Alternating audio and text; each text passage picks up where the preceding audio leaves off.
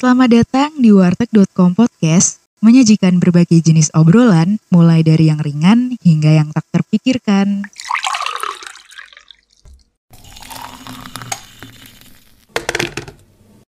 Kali ini warteg.com podcast kedatangan tamu nih, spesial banget dari kakak tingkat kita di HI Undip yang sekarang tuh kebetulan baru aja sidang ya mas. Nah boleh dikenalin dulu dong, ini namanya siapa, terus ya kesibukannya apa gitu-gitu boleh. Halo, aku Muhammad Muaz Hafiz Ridlo, biasa dipanggil Muaz. Jadi aku angkat HI Undip dari angkatan 2015 dan kesibukan sekarang baru nyicil revisian sidang skripsi buat besok Rebo. Oke, makasih Mas. Makasih juga udah mau gabung di podcastnya warteg.com. Dengan senang. Dan uh, sekarang tuh kan lagi revisian ya Mas. Ah, Berarti bener. tuh Nah, gimana Mas revisiannya mayor atau minor?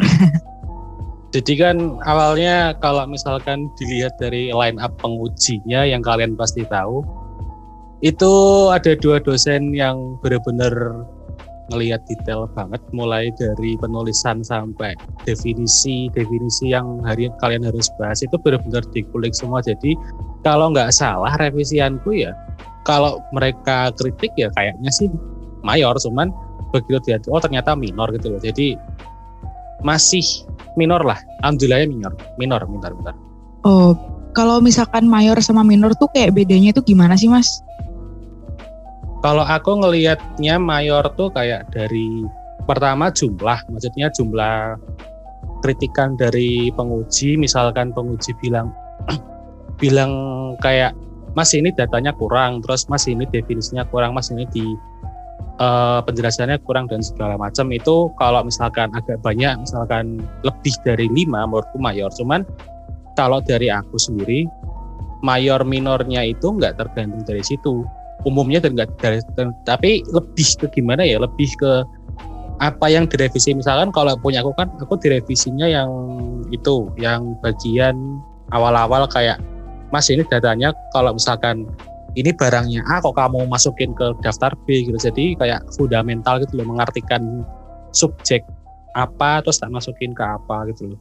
Kalau aku sih gitu kalau minor yang lain mungkin kayak teknis dan segala macam. Jadi ya wajar wajar. Kalau aku sih wajar. Emang karena pengujinya gitu terus aku juga belum tentu belum begitu bisa nulis jadi ya wajar.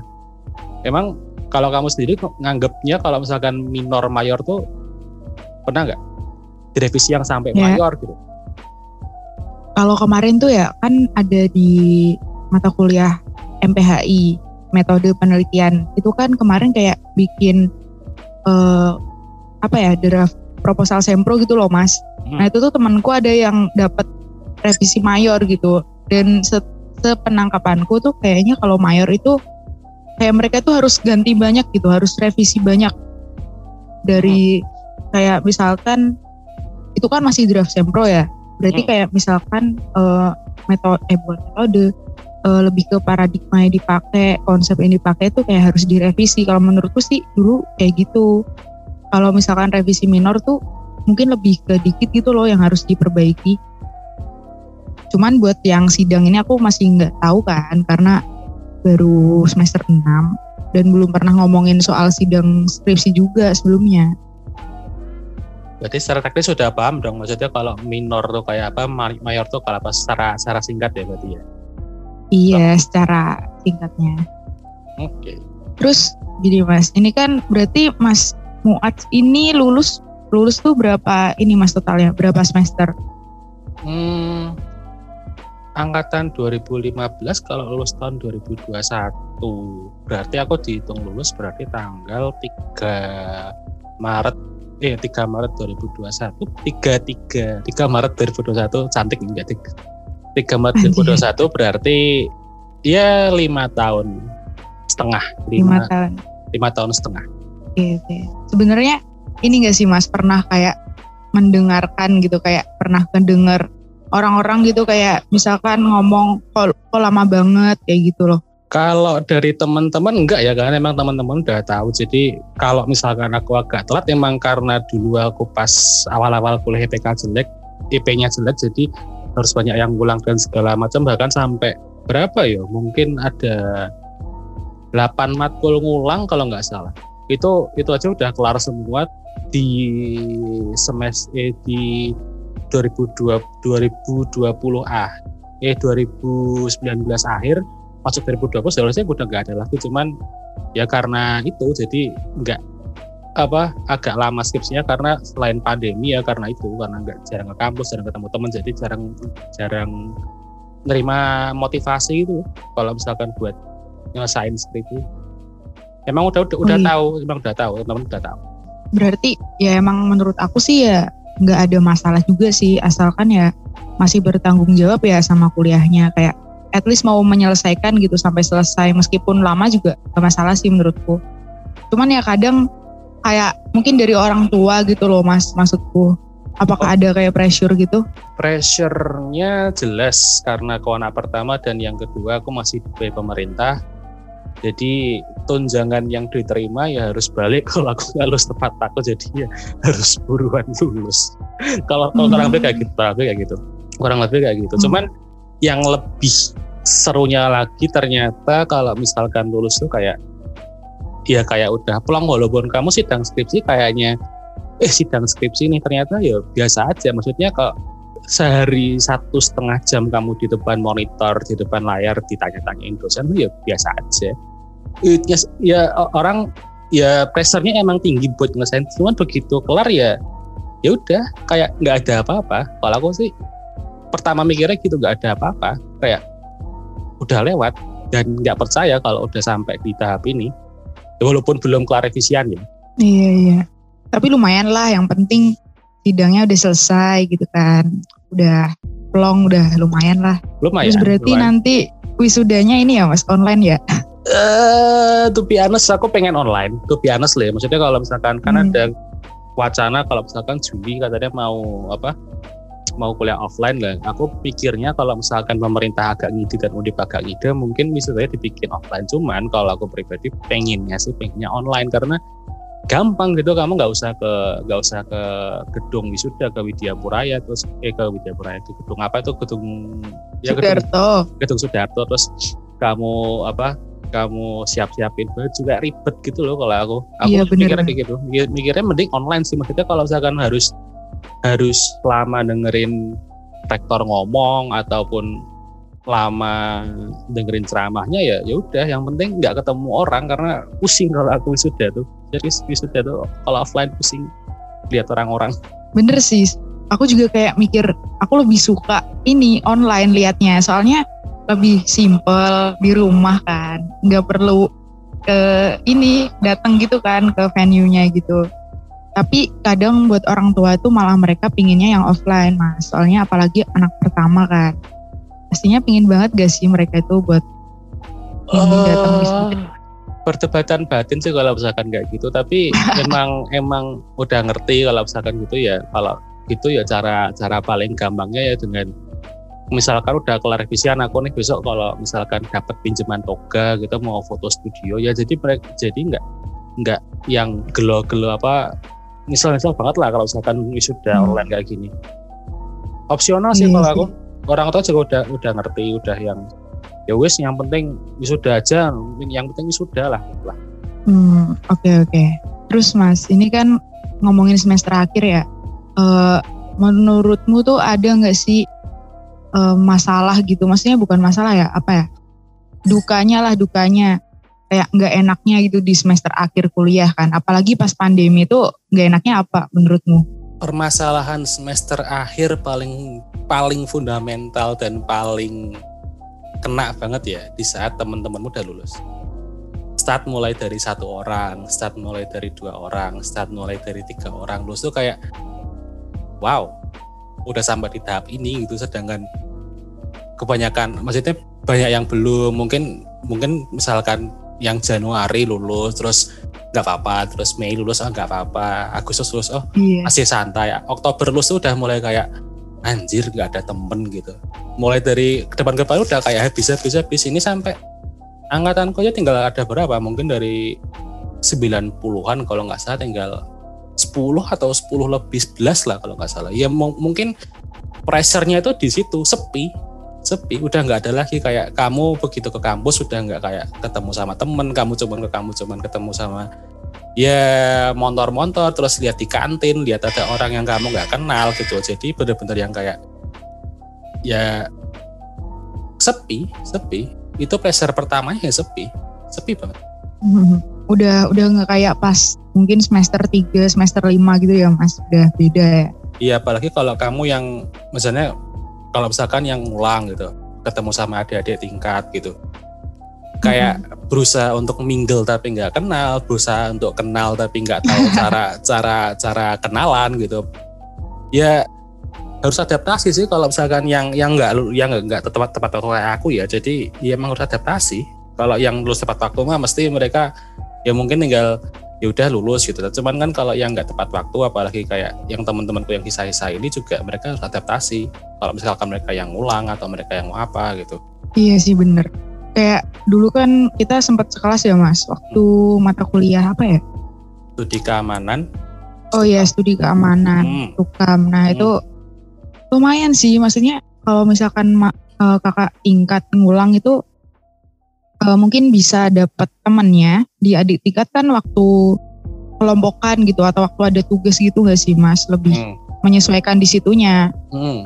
dan menurutku tuh buat adik tingkat yang ada kakak tingkatnya di di apa di kelas itu tuh gimana ya ada dua sisi sih. Kadang itu ada yang, yang nyusahin dan ada juga yang ngebantu gitu yang emang beneran dia sebenarnya juga pinter gitu di di mata kuliah itu lah kalau aku lah kalau aku membantu mas. Serius membantu ini. Soalnya dulu kan aku apalagi ya dulu waktu itu kan aku semester 3 ya. Hmm. semester hmm. 3 itu bikin paper aja nggak tahu kayak gimana. Strukturnya itu nggak tahu. Terus akhirnya banyak tanya gitu sama ada juga dulu kakak tingkat siapa gitu aku lupa mah namanya. Di situ lumayan sih mas membantu karena kan pastinya cutting lebih ber, berpengalaman kan buat bikin tugas ini itu kan. Tapi jujur lah aku masih merasa kurang capable kalau maksudnya kurang cocok kalau misalkan dibilang gitu. Karena ya secara prestasi aku masih di, masih di bawah kalian gitu loh. Jadi kalau misalkan kamu tanya gitu tuh aku juga punya sih antara aku tidak pengen bantu tapi takut salah karena aku memang segitu segitu aja atau memang ya karena karena kalian tanya dan memang kalian tanya ke aku. Jadi aku menghargai orang-orang yang tanya personal daripada tanya yang ya misalkan yang kayak sekalibat gitu mas ini gimana? Habis itu kayak melengos gitu. Enggak tapi kalau misalkan sampai nungguin gitu itu tak tanggepin karena ya memang kalian butuh dan sebisa mungkin aku juga tetap nyoba buat bantu kalian. Ya memang karena memang selain karena aku juga di angkatan juga butuh kalian, di kelas juga butuh kalian, ya aku juga harus berusaha untuk ya ninggalin sesuatu lah. Kalau aku sih gitu. Iya sih mas, tapi gimana ya? Kayaknya tuh emang semua cutting ya, mau sepinter apa pun tuh kalau ditanya adik tingkat mungkin tetap ada sih mas perasaan kayak aku nih sebenarnya nggak terlalu capable di situ gitu. Kayak misalkan nih, uh, mungkin ya contohnya aku sekarang ditanyain adik tingkat gitu tentang paper yang pasti aku nggak bisa ngasih banyak hal aku mungkin cuman ngasih tips-tips gitu loh biar hmm. misalkan di di pak ini bagusnya kayak gimana biar dapat nilai bagus itu bapak ini suka yang kayak gimana gitu tuh gitu hmm. doang mas yang simple-simple dan menurut aku tuh kayak tips kayak gitu tuh menurut aku udah berguna banget sebagai adik tingkat gitu mas yang mungkin belum pernah di mata kuliah itu atau belum pernah sama dosen itu jadi tuh ya nggak nah. masalah mau hmm. Prestasi akademiknya lebih bagusan ada tingkat ya menurut nggak masalah. Karena sebenarnya kuliah ya nggak harus dilihat dari prestasi akademik sih lebih dilihat ke gimana prosesnya sama mungkin pengalamannya gitu kali ya. Bener bener bener bener. Aku bisa benerin itu aku bisa benerin itu. Bener bener. Bener. Iya kan? Soalnya kadang aku tuh kayak sering apa ya adalah satu teman gitu. Ya bukan satu ya mungkin ada beberapa teman gitu yang kayak meremehkan kakak tingkat yang ngulang gitu juga ada. Tapi ada juga yang kayak pasti, uh, pasti. suka ini ada ada kakak tingkat yang ngulang tuh suka karena emang kadang ngebantu gitu. Tapi ada juga yang emang ngeribetin juga ada gitu. Justru nggak membantu tuh ada. Cuman ya menurut aku nggak bisa digeneralisasi gitu karena pasti tuh segimana gimananya orang tuh pasti ya gimana ya tetap tetap aja itu beda gitu satu sama lainnya. Meskipun mungkin sama-sama ngulang tapi kan ya kita nggak tahu gitu di balik itu tuh dia bisa ngulang atau dia bisa ngambil mata kuliah yang sama kayak adik tingkat itu ada apaan kita nggak pernah tahu kan. Hmm, bener. Tapi ada faedahnya ngulang ternyata selain karena ya dibantu sama kalian juga ya kenal sama adik tingkat kalau aku sih gitu kalau aku sih gitu kenal lah ya maksudnya kalau misalkan nambah relasi juga oke okay, gitu lah apalagi sama adik tingkat misalkan kayak at, misalkan aku bayanginnya pas dulu sebelum pandemi misalkan ya kalau nggak pandemi kalau nggak pada kalau nggak ada pandemi ya ke kampus gitu ngurus bimbingan skripsi terus begitu keluar ke kantin ketemu adik tingkat bisa diajakin ngobrol gitu. Kalau misalkan nggak mm -hmm. ada kan ya udah tinggal pulang gitu tinggal pulang. Kalau aku sih mikirnya gitu. Oh, berarti ini mas masih sempat bimbingan ke ini ke Sem kampus sempat dulu kan pandemi mulainya dari Maret Maret eh tanggal berapa sih? 2 Maret ya? Februari itu aku yeah. sempat kampus masih sempat bimbingan dua kali ya dua minggu seminggu sekali dua mingguan gitu begitu kelar pak. Begitu stop karena pandemi ya udah di rumah. Jadi benar-benar yang bimbingan bimbingan online gitu-gitu. Oh iya. Iya sih. Kadang kan kita setelah bimbingan itu akan lebih apa ya lebih mungkin lebih stress reliefnya itu mungkin ketemu temen kampus kali ya terus ah, ngobrol bener. gitu kan benar cuman ya gimana ya ya pandemi kan nggak ada yang pernah nggak ada yang pernah memprediksikan kan sebelumnya. Mungkin ada, cuman kayak kita nggak pernah kepikiran gitu loh bakal kejadian kayak gini. Hmm, setuju. Hmm. Pandemi bikin susah, setuju. Ya sih. Aku juga sebagai generasi yang apa ya, yang sempro. Ini kan aku udah ambil sempro. Tapi tuh di tengah pandemi ini sebenarnya masih banyak bingungnya juga kan. Apalagi bimbingan semuanya online. Bahkan tuh dari pihak departemennya tuh kayak kemarin sempet ada dibikin satu mahasiswa itu dapat dua dosen pembimbing. Nah sekarang, sekarang ganti satu. lagi. Sekarang satu. Iya sekarang satu lagi. Jadi tuh ya bingung juga sebenarnya.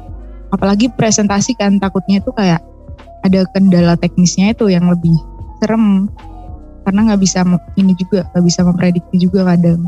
Bener, emang emang kadang-kadang kendala teknis kayak gitu memang yang bikin susah. Kalau aku sih pribadi pas mikir sidang skripsi, aku nggak takut nggak takut dikritik, nggak takut revisi, nggak takut dibantai itu enggak malah aku takut tiba-tiba koreksinya putus mati lampu lah atau wifi-nya macet lah itu hmm. maksudnya kalau misalkan udah dapat hari Rabu terus tiba-tiba listriknya ada kendala seharian gitu terus kamu harus mundurin jadwal ulang lagi dan segala macam itu kan berarti emang emang kendala kalau kalau mau lulus di era pandemi gini menurutku lebih ke fasilitas yang kalian punya. Misalkan kalian mau uh, apa namanya kalau mau bimbingan skripsi yang yang mungkin yang di jauh sana di pelosok sana mungkin harus ke kafe dulu atau apa gitu demi dapat wifi. Kalau ngandelin kuota ya pas mungkin kuotanya lagi habis siapa tahu kan. Kita nggak pernah tahu. Iya, iya sih. Sama sih aku kayak mikir gitu juga mas. Apalagi pas ujian gitu kan atau misalkan apa kayak presentasi. Sebenarnya dari segi materi nggak terlalu takut banget. Cuman lebih ke bingungnya kalau ada apa-apanya gitu. Nah. iya soalnya aku pernah waktu ujian gitu langsung tiba-tiba mati kan disuruh on cam ternyata mati listrik kalau nggak salah itu langsung satu kelas nungguin aku semua anjir lah kalau ditungguin emang jadi apa soalnya tuh dulu ini teknisnya itu kita satu kelas itu tuh harus on cam semuanya Nah, nanti dikasih soal di share screen gitu sama dosennya. Uh. Terus kita ngejawabnya itu via voice note dikirim ke WhatsAppnya dosennya. Jadi oh, kan emang uh. takutnya kalau misalkan dosennya uh, eh takutnya misalkan nanti mahasiswanya ngerekam duluan kan kita nggak pernah tahu kan. Jadi itu makanya harus on cam. Benar, nah itu langsung ditungguin satu kelas. pokoknya semester semester 4 pokoknya. Ya itu ya memang kan serem Ino, kan kalau apalagi itu kan. Terus ini Mas, aku mau tanyakan. Ini kan Mas Muaz ini tadi katanya di awal-awal ya di semester awal itu IP-nya uh, jelek gitu kan, IP-nya hmm. nggak bagus. Hmm. Banyak yang ngulang. Nah, itu tuh apa sih yang bikin itu bikin kok sampai banyak yang ngulang gitu loh mas. Soalnya tuh aku ngelihatnya ya palingan teman-temanku tuh ngulang satu dua gitu. Gak ada yang sampai ngulang banyak gitu mas. Tapi nggak tahu sih makanya ini aku tanyain dulu gitu biar mungkin teman-teman semua yang masih maba yang ngedengerin tuh bisa menghindari kegiatan-kegiatan mungkin yang bikin IP-nya jelek gitu kan. Mungkin bisa dikasih wejangan mas. wejangan apa ya? Oh iya pas itu tuh awal maba itu aku kan aku dari SMK jadi kayak berusaha untuk adaptasi sama belajar oh, ala IPS. Oh SMK. Uh, belajar ala IPS tuh kayak oh, harus iya. harus harus ngapal, harus paham gitu. Sedangkan aku dulu SMK ngoding itu loh, programming RPL rekayasa perangkat lunak. Jadi wow. uh, learning by doing kalau misalkan di kuliah apalagi IPS kan harus baca dulu, harus paham dulu dan segala macam. Itu yang pertama yang bikin adaptasi itu susah. Yang kedua, aku nggak struggle di situ. Jadi aku cari stress relief ke tempat lain kayak kerja kantoran lah, part time dan segala macam sampai jam 2 malam, jam 3 malam baru pulang dan segala macam itu ngancurin parah apalagi masuk ke semester 2 yang udah mulai kenal organisasi jadi, jadi kayak ngedit aja kadang udah makan waktu terus kegiatan outdoor dan segala macam. Aku bukan tipikal orang yang bisa fokus begitu kelar urusan enggak. Jadi kadang-kadang kalau udah capek ya tidur tidur kebablasan sampai jam berapa jam gitu. Tiba-tiba bangun-bangun udah setengah tujuh udah waktunya bangun itu pun udah telat banget kalau di kelas kelas pagi gitu loh. Jadi hancur kalau gitu hancur. Begitu semester agak udah dimis udah mulai sadar diri ya mulai paham ya rajin. Emang emang aku harus kosong dulu sebelum sebelum anu sebelum sebelum bisa fokus. Jadi selama nggak ada selama nggak ada yang membuai kayak duit atau tawaran kerja dari mana itu nggak nggak yang nggak bisa bikin aku luluh gitu. jadi jadi bener-bener yang ya wes lah kuliah kuliah aja gitu. Naik akhirnya juga IPK naik dari dua setengah awal awal tuh dua setengah dua koma lima tujuh aku ingat semester dua hmm. dua koma satu semester tiga dua koma lima semester empat juga dua koma sekian semester lima yang parah satu koma lima semester enam mulai oh. mulai naik lagi semester tujuh udah tiga semester delapan juga semester 8 tuh 3,3 semester 9 3,5 jadi selama orang bisa fokus bisa cukup stay di situ dan nggak ke mana-mana dan ya wes lakuin. Maksudnya kamu nggak bisa lari dari kewajiban kamu harus lawan. Kalau nggak dilawan ya bubar. Kalau aku segitu oh berarti gini mas. Berarti aku bisa menyimpulkan nih. Sebenarnya tuh mungkin mas muatnya ini kayak lebih kesulitan gitu kan dari SMK ke uh. kuliah yang soshum kan. Nah, bener. Iya sih menurut aku ya karena mungkin nggak banyak orang tahu juga ya. Kadang uh, ada kakak tingkat itu yang ngulang itu nggak sepenuhnya dia tuh emang nggak nggak nggak bisa gitu di akademik tuh sebenarnya nggak kayak gitu juga ya. Hmm. Ini ada buktinya tuh kayak dari SMK ke soshum kan ya bisa dibilang beda lah cara berpikirnya gitu kan dari S, uh, dari IPA ke IPS aja udah beda apalagi SMK iya gak sih tapi kalau studi kasus yang lain juga pernah ada. Jadi kan ya aku bilang aku dulu dulu RPL ya. Cuman ada lagi yang satu satu tema gitu sama sama komputer SMA komputer juga masuk HI juga aku juga ngelihat dia ngulang. Jadi ya emang secara pola pikir kesulitan kalau kita dulu learning by doing kalau misalkan di kuliah ini ya harus baca dulu persiapan dulu. Kalau kita dulu kosong melompong masuk dapat ilmu. Kalau sekarang ini kita masuk dapat ilmu kan nggak bisa. Harus baca dulu ntar ditanya dosen apa kalau nggak jawab kamu keaktifannya minus gitu loh. Jadi benar-benar emang iya, struggle kalau begitu aku masuk tuh anjir harus baca dulu. Bacanya segitu iya, banyak berhalaman-halaman puluhan halaman bahasa Inggris lagi. Wah ya Allah.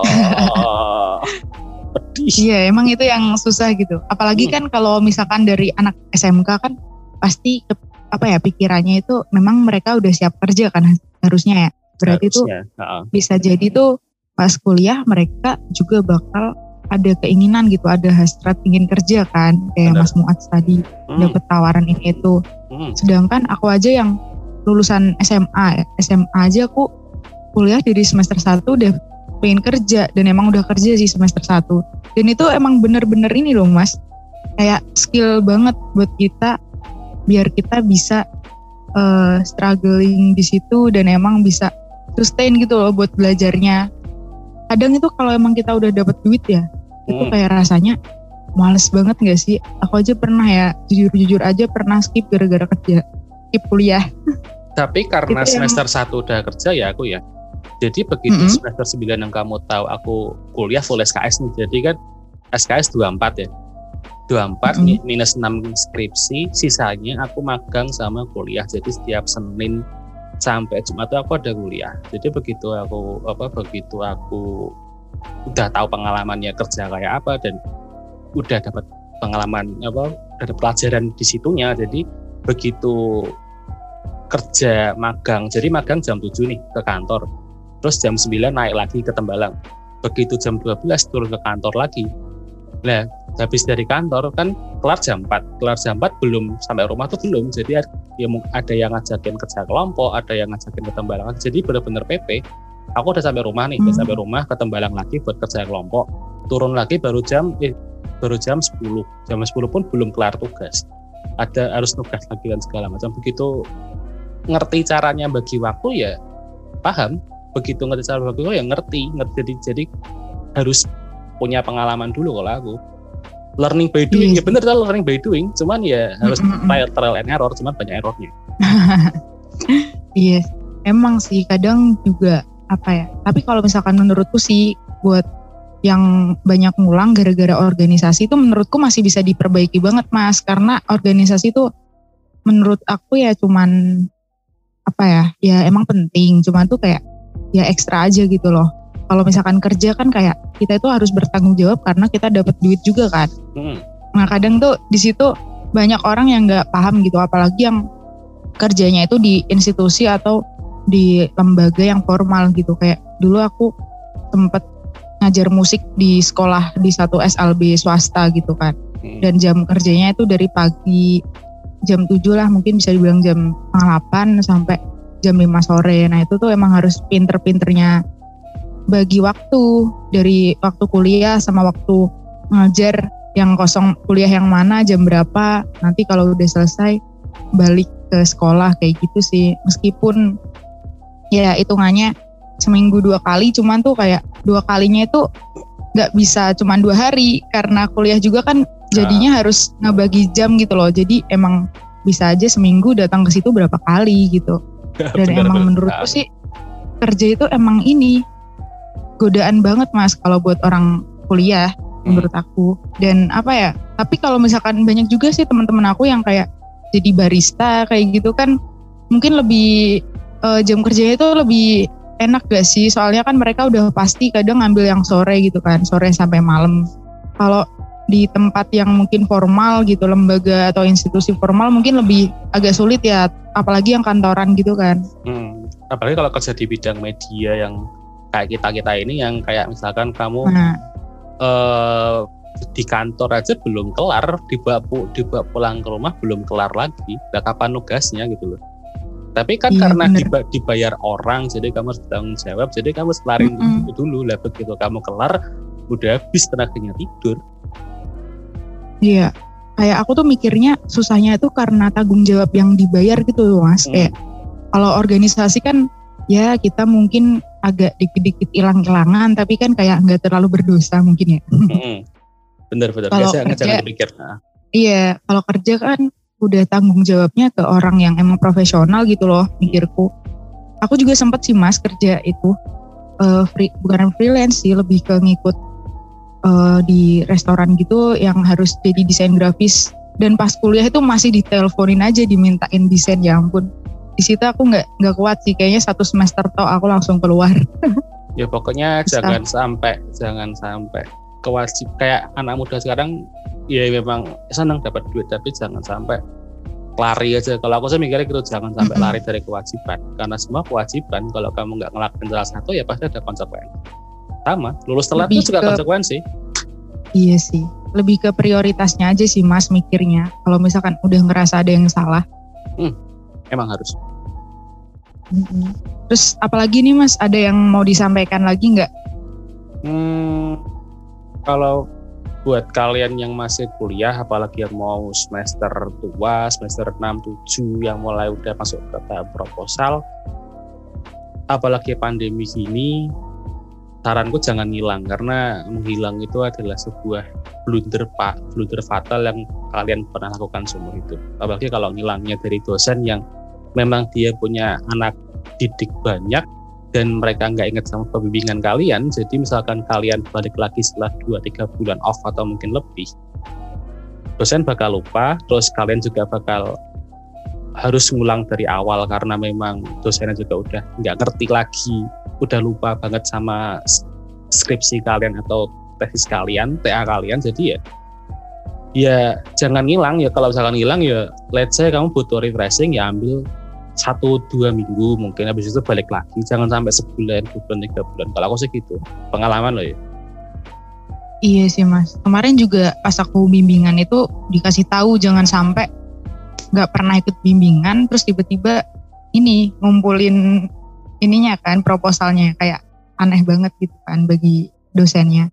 Kalau proposal waktunya dikit. Jadi kalian maksudnya kalau misalkan kaliannya nggak kan Sempro kan bareng ya satu angkatan ya, maksudnya satu kloter gitu ya. Jadi kalau misalkan iya. uh, misalkan kalian ngilang berapa minggu atau berapa bulan gitu, kalian punya pressure buat apa ngelihat teman-teman kalian apalagi yang satu bimbingan. Tapi kalau skripsi itu yang lebih parah. Jadi kalian ya ngelihat temen gitu lama-lama ya kalian bakal menipu diri sendiri jadi kayak ah yaudah nggak apa-apa gitu nggak apa-apa nggak ada terus gitu terus sampai tujuh tahun kuliah gitu loh sampai keterusan ya nggak nggak kerasa. Sampai ada undangan dari prodi atau departemen yang bilang kalian kalau nggak lulus bakal di DO itu baru bakal kerasa. Itu baru bakal kerasa. Itu baru bakal kerasa. Ya emang angkatan-angkatan angkat atas juga belum ada ada yang belum lulus. Cuman kan buat iya, kalian janganlah. Buat kalian janganlah. Mm -mm. kalau bisa jangan gitu. Kalau bisa ya tepat waktu sih ya mas tepat kalau bisa. tepat waktu itu bonus tapi lebih baik di waktu yang tepat. Terus. Iya sih benar-benar ya udah ya mas kayaknya kita udah lumayan banyak diskusi nih bincang-bincang semester tua kan. Hmm. ya aku terima kasih juga nih mas Muat udah mau gabung di warteg podcast. Hmm. ya mungkin nanti kalau misalkan ada kesempatan kita bisa lagi kan ngobrol-ngobrol kayak gitu kayak gini lagi dan mungkin nanti bisa lebih rame lagi kali ya mas? Lebih ngajakin yang lain juga ya? Ya harus ngajakin yang lebih capable dong okay. harus dong. Waduh jangan ngomong capable capable gitu. Yang di sini juga belum tentu capable kan? Yang bikin warteg.com podcast ini. Ya udah deh mas. Kayak uh, segini aja sih mas. Hmm. kita closing dulu.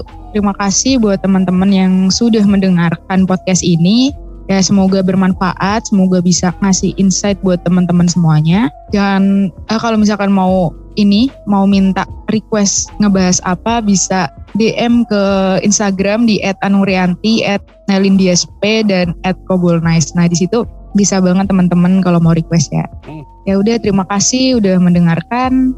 Bye bye, sampai jumpa.